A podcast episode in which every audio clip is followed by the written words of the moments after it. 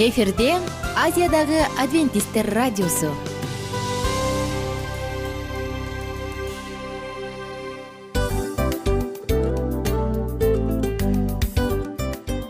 Достор салют. Баардык сүйүктүү угармандарыбызга салам айтабыз. Кутман күнүңүздөр менен. Ден соолук өмүрдүн булагы демекчи саламат саамы программасында баарыңыздарды көргөнүбүзгө абдан кубанычтабыз. Анда алгач амандашып өтөлү арбаңыздар деп. Ден соолугуңуздар кандай элибизде көбүнчө ден соолук кандай дегенде эле жакшы деп жооп беребиз э? ооруп турсак дагы жакшы дейбиз. Анан мен муну айтып ойлойт элем бул абдан сонун сөз депчи анткени бул жакшы деген үмүт да э ооба. баары жакшы болот. Баары сонун. Деп үмүттөнүп атып эле өзүбүздү өзүбүз дарылап коебуз. Анысы кандай сиздин дагы ден соолугуңуз жакшы беш деген үмүттөбүз чындыгында ден соолук бул өмүрдүн булагы деп бекеринен айтылган эмес деп ойлойм. Кыргыз элинде анткени эгерде ден соолук жок болсо анда адамдын жашоосунда калган баардык керектүү маңыздуу нерселер өзүнүн баалуулугун жоготуп коет. Ошондуктан ден соолук бул эң керектүү нерсе. Ооба туура айтасың кесиптешим. Чынында ден соолугуң жок бир эки үч күн ооруп калсаң эле э кандай болуп калат? Жашоодо көз каранды болуп каласың көп нерсеге жетишпей каласың көп нерсени кыла албай каласың жада калса эчке дүкөнгө да чыга албай каласың. Туптуура анан ден соолук болсо демек биз биздин бактыбыз тоодой деп койсок болот.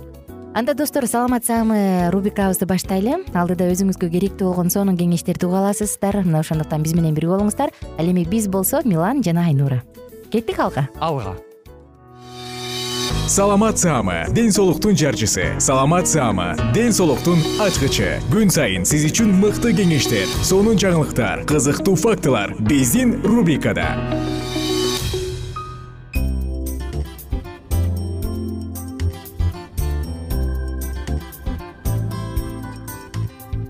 салам достор. Баардык угармандарыбызга дагы бир жолу ысык салам айтабыз. Тыңдап жатканыңыз саламат саамы рубрикасы кызматта мен айнура миназарова тыңдаганыңыз бир нече күндөрдөн бери биз саламаттуу дене циклин баштап дал ушул саламаттуу дененин ичинде кызыктардын баардыгынан кабардар болуп келе жатабыз. Мага кошулат болушуңуз керек. Анткени биз чач жөнүндө дагы сөз кылдык дене жөнүндө.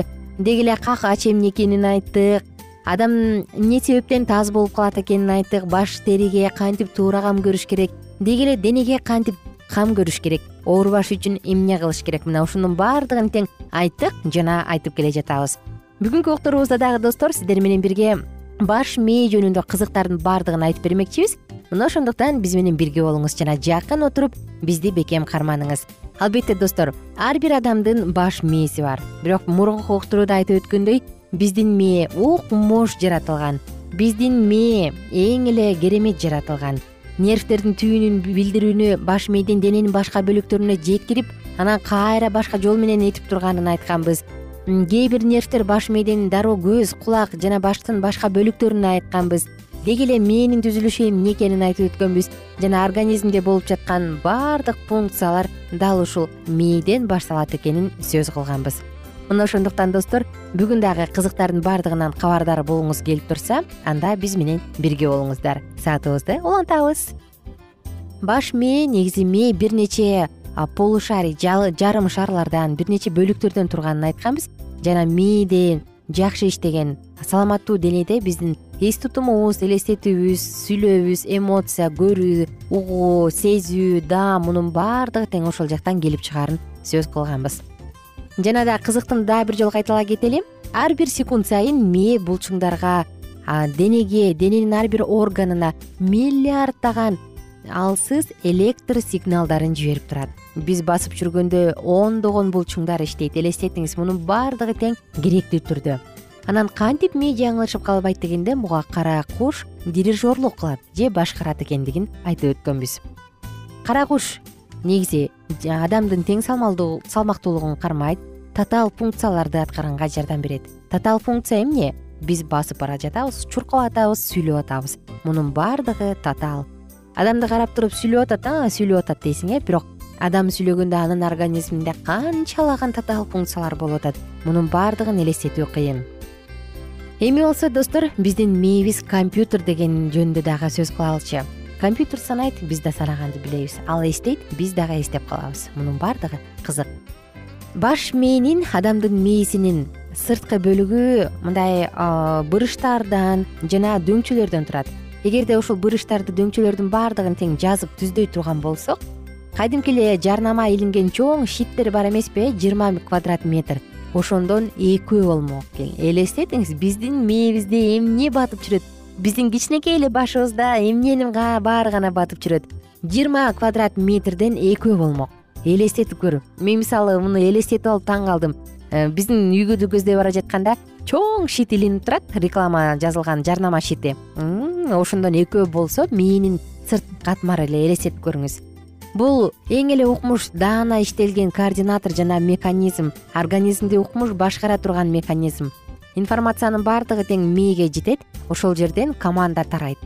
Баш мээде э, жумуртка сыяктуу болгон э, бир бүтүн ондон төрт килограммдык бир сонун укмуш нерсе бар.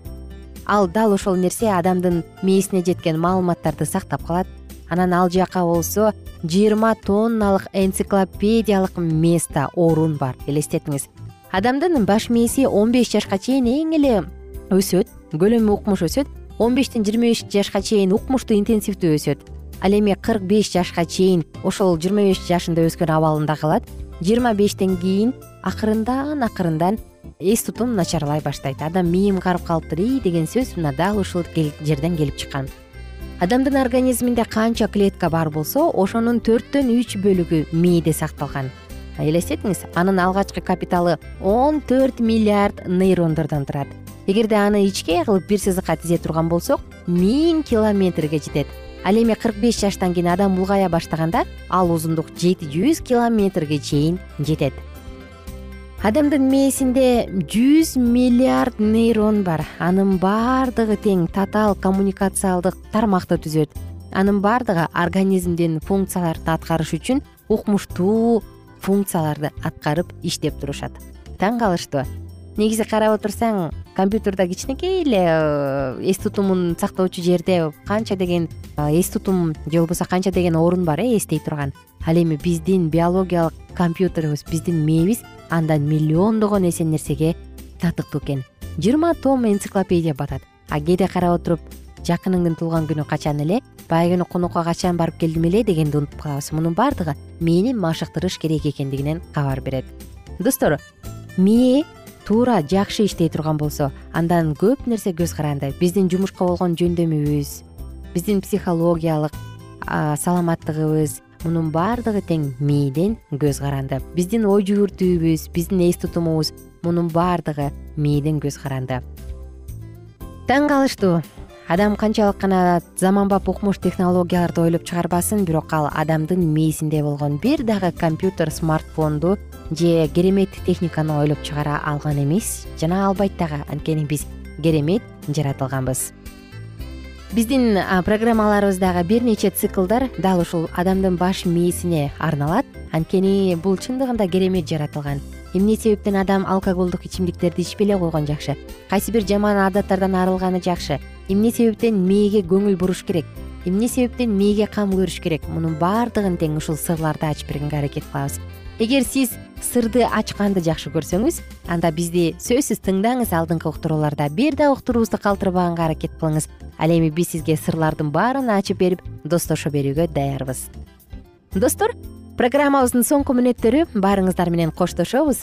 Аты жөнүм айнура миназарова. Кийинки уктуруулардан кайрадан амандашканча сак саламатта туруңуздар оорубаңыздар. Мээм ооруп кетти десеңиз анда сөзсүз денелик жактан эс алыңыз. Баарыңыздарга көңүлдүү маанай. Саламат саама ден соолуктун жарчысы. Саламат саама ден соолуктун ачкычы. Күн сайын сиз үчүн мыкты кеңештер сонун жаңылыктар кызыктуу фактылар. Биздин рубрикада салют замандаштар баарыңыздарга ысык салам. Дил маек программабызга кош келиңиздер. Дил маек рубрикасы дегенде эле бул эмне болгон дил маек? Ким менен маектешебиз деп сурайт болуш керек угармандарыбыз бул рубриканы кыскача тааныштыра кете турган болсок ар тарап кесип ээлеринен болгон сонун интервью кеңештер бар. Ооба. Жылдыздар менен болгон маек бар. Аталарыбыздын агаларыбыздын чоң аталарыбыздан сонун кеңештер бар. Ошондой эле эже сиңдилердин кеңештери бар айтор. Баардык кызыктардын баары алдыда. Негизи эле адам баласы бир кимдир бирөөнө ишенип сырын ачкысы келет эмеспи э мындай баарлашууга жакын келебиз го. Албетте негизи бир жерге отуруп алып кенен шашпай баягы жүрөктөн жүрөккө ачып сырларыбызды ар кандай көйгөйлөрүбүз менен бөлүшүп баягы чын жүрөктөн маек курганды кимибиз сүйбөйбүз э? Ооба десең ал нерсеге суусап да келебиз да. Ооба кээ бирде адамга чындыгында баягы э, ысык маек баягы жылуу маек жетишпейт да. Ошондуктан биз ушул рубриканы ойлоп тапканыбызда эң биринчи эле достор сиздер менен чын жүрөктөн бир маңыздуу темаларды козгоп кеткени э, кааладык. Ошондуктан ушундай сонун бир рубриканы тартуулап жатабыз. Анын үстүнө радио дагы сонун дос да анткени э, мындай учурда досуңа айтсаң досуң досуна айтат досу досуна айтат да анан бүт өлкө билип калышы мүмкүн го а радио болсо сени сатпаган сенин айыбыңды ачпаган. Сенин сырыңды эч кимге айтпаган сонун досмын ошондуктан биздин алдыдагы айта турган кеңештерибизди биздин досторубуздун кеңештерин угуп анан ал жака пикириңизди дагы калтырып кайрадан биз менен байланышсаңыздар болот. Деги эле жашооңузга эгерде кичине болсо дагы өзгөрүү алып моралдык жактан нравовик жактан сонун бир кеңештерди алсаңыз демек биз максатыбызга жеттик. Ооба.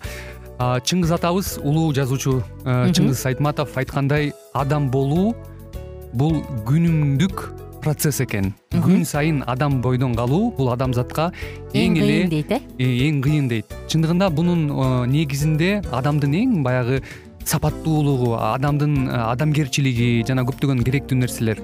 Мына ошол темалар дагы бизде ушул дил маекте биз аларды да козгойбуз. Ден соолук жөнүндө да сүйлөшөбүз сөзсүз түрдө. Анан милан мырза негизи айтып коюшат го. Биз көбүнчө эмнени ойлонсок ошол нерсеге карата иш кылабыз го. Ооба. Анан анысы кандай? Балким бул радио баракчада кимдир бирөөнүн оюн текшергенге жардам берет кимдир бирөөнүн жүрөгүн текшергенге жардам берет. Балким кимдир бирөөгө жашоонун маңызын тапканга жардам берет. Айтор кызыктын баары алдыда бул жөн гана кыскача жарнама анда угармандарыбыздын баардыгын кийинки рубрикабызга чакырабыз. Ал эми кызматта маңдайымда отурган кесиптешим милан жана мен айнура. Анда эмесе биз даярдаган терең терең ойлор менен таанышууга кеттик. Алыс алыс баралык. Анда эмесе достор биз менен бирге болуңуздар. Алдыда эң кызыктуу маалыматтардын баардыгы бир нече мүнөттөр бою жалгыз гана сизге арналат. Мына ошондуктан жакшы маанай менен угууну каалайбыз. Үн алышканча. Жөнөдүк. Ар түрдүү ардактуу кесип ээлеринен алтын сөздөр жүрөк ачышкан сыр чачышкан сонун маек дил маек рубрикасында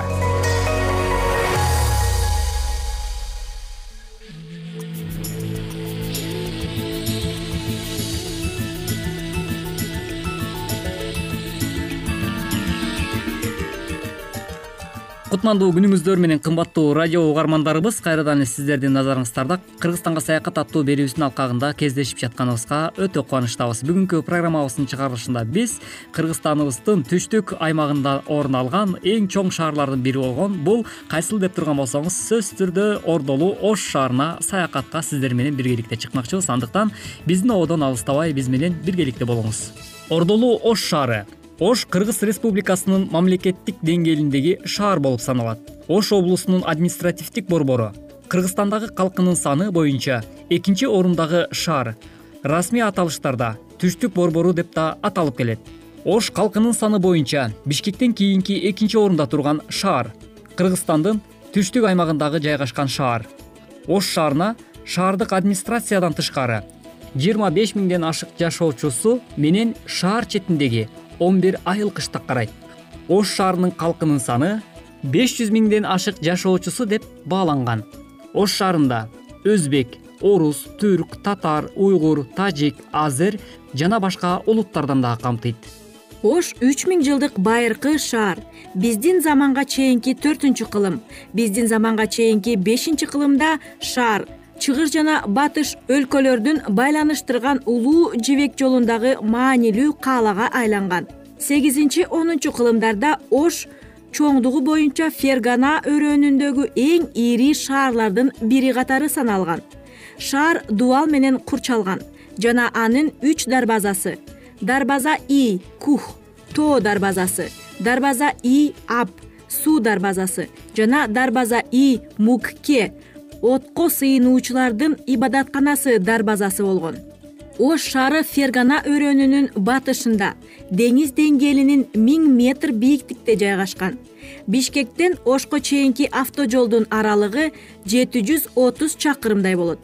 Ош шаары сулайман тоо жана ак бура дарыясы менен атактуу кыргызстандын экинчи борбору деп да аталып жүрөт ош шаарынын он үчүнчү кылымдын башында чыңгыз хандын аскерлери кыйраткан.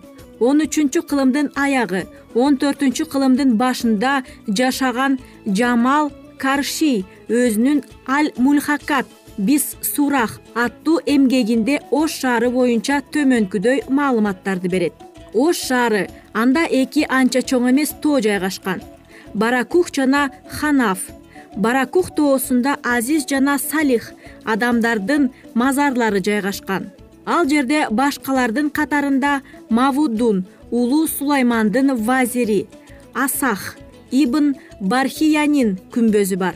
Он төртүнчү кылымдын акырында аксак темирдин дөөлөтүнөн кийин моголстанга караган моголдор династиясынын негиздөөчүсү захириддин мухаммед бабур өзүнүн бабурнаама деген эмгегине ош жана ошондой эле сулайман тоонун үстүндөгү чакан үй жөнүндө да эскерип кеткен. Ош отуз кылым мурун түптөлгөн. Кокон хандыгы кулагандан кийин бир миң сегиз жүз жетимиш алтынчы жылы шаар деген расмий макам алган.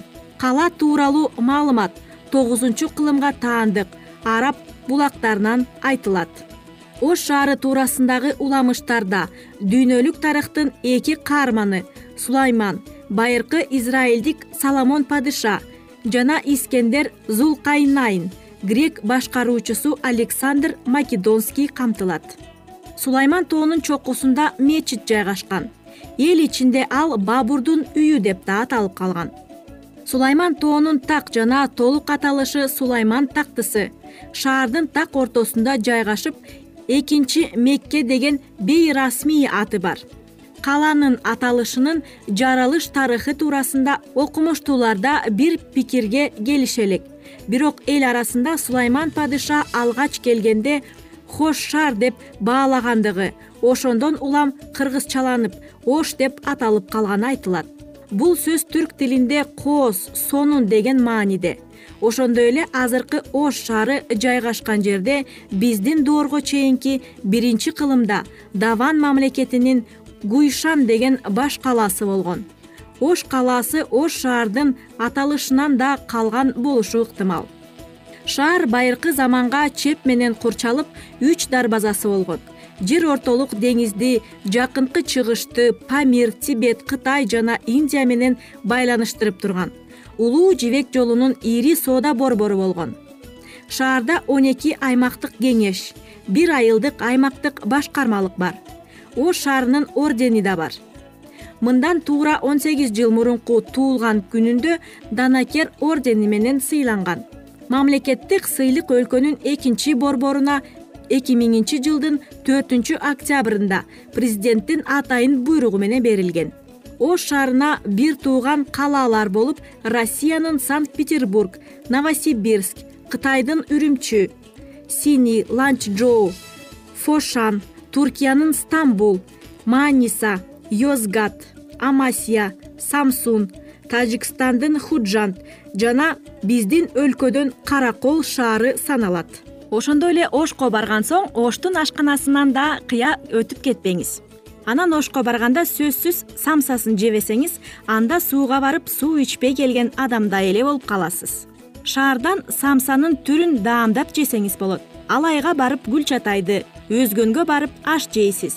Ар бири өзгөчө даамдуу. Араванда болсо бадыраң капуста пияз помидорлор бышып жатат оштун дагы бир өзгөчөлүү тамагы бар экен. Бул майда манты же чычкан манты. Ошко кеңири жайылган. Коноктор келсе сүйүп жеген тамак. Кызыл мурч аралашкан пиязды сепкенде табитиңиз ого бетер ачылат. Баса чычкан мантынын килограммдап да сатышат. Бир килограммы жүз элүү сом. Сатуучулар килограммдан же дааналап алгандын ортосунда айырма деле жок экенин айтышат. Майда манты кантип даярдалат жука жайылган камырга оролгон картошка. Бул тамак оңой көрүнгөнү менен ар бир эле кожойке аны даамына чыгара албаса керек. Мына ошентип кымбаттуу угармандарыбыз бүгүнкү уктуруубузда дагы сиздер дал ушул ордолуу ош жиргеси туурасында дагы маалыматтарга ээ боло алыңыздар ал эми биз сиздер менен кийинки берүүбүздөн дал ушул толкундан үн алышканча ар бириңиздердин үй бүлөңүздөргө кажыбас кайрат жана ошондой эле чың ден соолук каалоо менен биргеликте сак саламатта болуңуздар деп биз сиздер менен коштошмокчубуз. Кайыр достор. Ар түрдүү ардактуу кесип ээлеринен алтын сөздөр жүрөк ачышкан сыр чачышкан сонун маек дил маек рубрикасында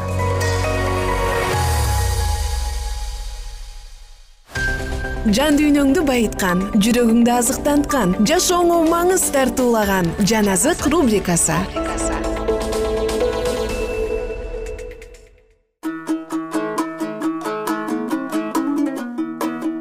Салют достор. Жалпыңыздарга сагынычтуу салам айтабыз. Сиздер менен кайрадан улуу күрөш китебин андан ары уланталы. Эки миң үч жүз күн өткөндөн кийин башкача айтканда бир миң сегиз жүз кырк төртүнчү жылы тергөө соту үчүн белгиленген убакытта сот жана күнөөлөрдү жоюу иши башталган. Бардык мезгилдердеги машаяктын жолдоочуларыбыз деп өздөрүн эсептеген адамдардын бардыгы катуу текшерилүүгө алынышат. Тирүүлөр дагы жана өлгөн адамдар дагы китептерде жазылган өз кылган иштерине жараша соттолушат. Адамдар кечирим сурабаган жана тобо келтирбеген күнөөлөр кечирилбейт жана күнөөкөр адам үчүн кудайдын улуу күнүндө күбөлөндүрүү үчүн жазылып калтырылат адам жаман иштерин күндүзбү же түнүнбү кылган болсо баары бир алар бизди соттой турган кудайдын алдында айдан ачык. Кудайдын периштелери ар бир жасалган күнөөлөрдү көрүп жана алардын ар бирин калтырбастан белгиленген. Күнөөнү атаңдан апаңдан аялыңдан балдарыңдан же досторуңдан жашырып жана моюнга албай койгонго болот. Кылынган жамандык жөнүндө айыптуудан башка эч ким кабардар дагы боло алышпай калышы мүмкүн. Бирок асман алдындагы аларды жаап жашыруу мүмкүн эмес. Түбөлүктүүнүн алдында бир дагы ойдо караңгы түн да. Эң эле кылдаттык менен жасаган эки жүздүүлүк дагы жашыра албайт. Ар бир адилетсиз кылынган иш жана таза эмес жасалган кылмыш кудайга белгилүү. Аны адилеттиктин маскасын кийүү менен алдап коюу мүмкүн эмес. Ал биздин ким экендигибизди катасыз айырмалай алат. Куу. Жүрөгү бузулгандар өз жакындарын адашууга оңой эле алып кетип калышат. Бирок кудайга ар бир жалгандык маалым жана адамдагы жашап жаткан ички өмүр алаканга салгандай ачык. Кандай гана салтанаттуу ойлор күндөн күнгө түбөлүктү көздөй кетип бара жатат. Бирок биз эмнелерди жасай турган болсок асман китептеринде жазылып калууда. Жана бир жолу айтылып калган сөздү кайра кайра кайталай албайсың. Жасаң нерселериңди өзгөртүүгө болбойт эмнени жасасаң өзгөрүүсүз калат. Периштелер жакшы иштеринди жазган сыяктуу эле жаман жасалган иштерди дагы жазып турушат. Эң эле мыктымын дегендер дагы жашап өткөн бир күнүн артка кайрый алышпайт. Биздин иштерибиз сөздөрүбүз жана эң эле катылуу ойлорубуздун бардыгынын өз таразалары жана биздин ала турган энчибиз үчүн мааниси бар. Көп сандаган майда нерселер биз үчүн унутулуп калган бирок алар жакшы же жаман болуп күбөлөндүрүшөт фотоаппараттагы пленка адамдын кебете кечпирин так айырмалап көргөзгөн сыяктуу. Асмандагы китептерде адамдын мүнөзү дагы ачык айкын болуп түшүрүлгөн. Бирок адамдар асман алардын ар бир кадамын карап тургандыгы туурасында көп ойлоно беришпейт. Эгерде көзгө көрүнгөн дүйнө менен көзгө көрүнбөгөн дүйнөнүн ортосун тосуп турган парданы ачып жибере турган болсок жана адам балдары сотто карала турган иштерин канча деген периштелер жазып жатышкандыгын көрүшсө анда канча деген жаман сөздөр айтылбай канча деген жаман иштер жасалбайт болчу. Сотто бизге берилген жөндөмдүүлүктөрдөн канча пайда алып келгендигибиз кылдаттык менен каралат. Асман аркылуу бизге ишенип берилген каражаттарды кандайча пайдаланалык. Теңир качан жер үстүнө келгенде өзүнүкүн ашыгы менен ала алабы? Биз колубуздун жүрөгүбүздүн акылыбыздын күчүн кудайдын даңкы жана дүйнөнүн жакшылыгы үчүн колдондукпу? Биз өз убактыбызды өз калемибизди өз үнүбүздү өз акча каражатыбызды жана таасирибизди эмне себеп менен колдондук? Кембагалдардын кайгыргандардын жетимдердин жана жесирлердин атынан машаякка биз эмнелерди жасадык? Кудай бизге өзүнүн ыйык сөзүн ишенип тапшырган жана биз адамдарды куткаруу үчүн бизге ачылган ал жарыктар жана чындыктар менен эмнени жасадык? Сөз менен гана айтып айтылган машаякка болгон ишеним эч кандай баалуу боло албайт. Бирок иш менен коштолгон сүйүү кудай алдында баалуу болуп эсептелет. Асман бир гана сүйүүнүн жетегинде болгон иштерди гана кабыл ала алат. Адамдар алдында маанисиз жана болор болбос болуп эсептелген нерселер сүйүү менен жасалган болсо теңирге жагымдуу жана ал аркылуу сыйлыкка татыктуу. Асман китептери адамдардын кылдаттык менен жаапжашырган өзүмчүлдүгүн ачып турат. Ал жерде биз жакындарыбызга карата өзүбүздүн милдетибиз деп эсептелген нерселер дагы куткаруучубуздун мыйзамы жөнүндө унуткандыгыбыз катталуу да жана машаякка таандык болгон убакыттарын адамдар шайтанга беришкендигин көрүшөт. Периштелер асманга кандай гана кайгылуу кол жазмаларды алып барып жатышат. Машаяктын ысымын алып жүрүшкөн акылга ээ болушкан жаратылыштар жердеги иштерге жана оюн зоокторго толугу менен кирип кетишкен. Акча каражаттары убакыттар жана жумшалган күчтөр баардыгы жеңил ойлуу кумарларга жана өз талаптарын канагаттандыруучу нерселерге сарпталат ал эми ыйык жазууларды окууга сыйынууга өзүн момун кылуучу сапаттарга жана тобо келтирүүлөргө кандай гана убакыттар аз жумшалууда? Биздин башкы максатыбыздан алаксытууга аракеттенген шайтандын тапкычтыгынын чеги жок. Улуу жалганчы. Бизди куткарып алуучу курмандыкка жана кудуреттүү жактоочуга багыттай турган улуу чындыктарды абдан жек көрөт. Адамдарды машаяктан жана анын чындыктарынан алаксыта турган болсо ал көптөгөн ийгиликке жетише тургандыгын жакшы билет.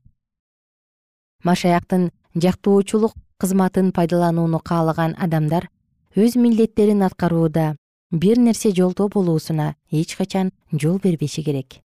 Теңирдин ыйык нерселерин коркунучта аткарышсын.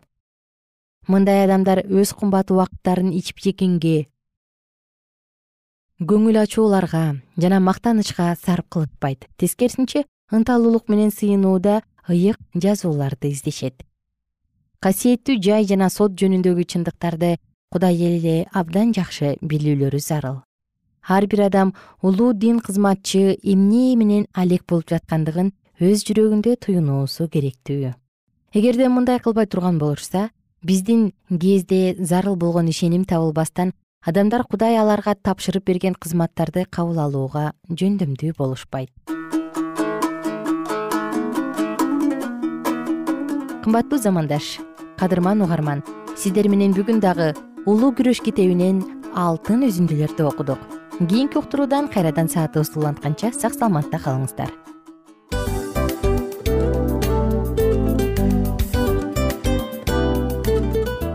Мына ушинтип убакыт дагы тез өтүп кетет экен. Биз дагы радио уктуруубуздун аягына келип жеттик келип кубандырдыңар эми кетип кубандыргыла деп тамашалап калышат эмеспи? Анысы кандай? Радио баракчабызды программабызды азыр эле баштап аткандай болдук элек. Мына соңуна келдик э? Негизи убакыт э, билинбей өтүп кетет экен мен дагы э, убакыт дегенде бүгүн бир адам менен сүйлөшүп калдым. Анан убакыт бул мүмкүнчүлүк деп айтып өзүмө өзүм айтып алып анан мага өзүмө эле кайра ачылыш болду да чын эле э Э, карап отурсаң ошол эле жыйырма төрт саат ошол эле жарым саат кайталанып атат. Бирок сендеги мүмкүнчүлүк жок ошол кой берилип кетти? Анысы кандай? Бүгүнкү сонун убактыңызды алтындай болгон жарым саатыңызды бизге бөлүп арнаганыңыз үчүн ыраазычылык айтабыз. Анан жашооңуздун кайсы бир сферасын өзгөртө турган сонун пайдалуу кеңеш алган болсоңуз анда биз максатыбызга жеттик. Анан ушул нерсени кылбасам десеңиз ошол өзгөрүүлөрдү кичинекей кадамдардан баштап иш жүзүнө ашырыңыз дагы жашооңузда чоң чоң ийгиликтерге жетиңиздер чын жүрөктөн ар бир берилген кеңештер сөздөр сиздерге пайдасын алып келет деп ишенебиз жана кийинки уктурууларда сөзсүз түрдө чыдамсыздык менен сиздерди күтөбүз. Сагынычтуу салам айтып кайрадан дал ушул жыштыктан баардыгыңыздарды тосуп алганча. Кызматта мен айнура жана кесиптешим милан. Анда кол булгалайбыз жалпыңыздарга ийгиликтүү күн. Саламатта калыңыздар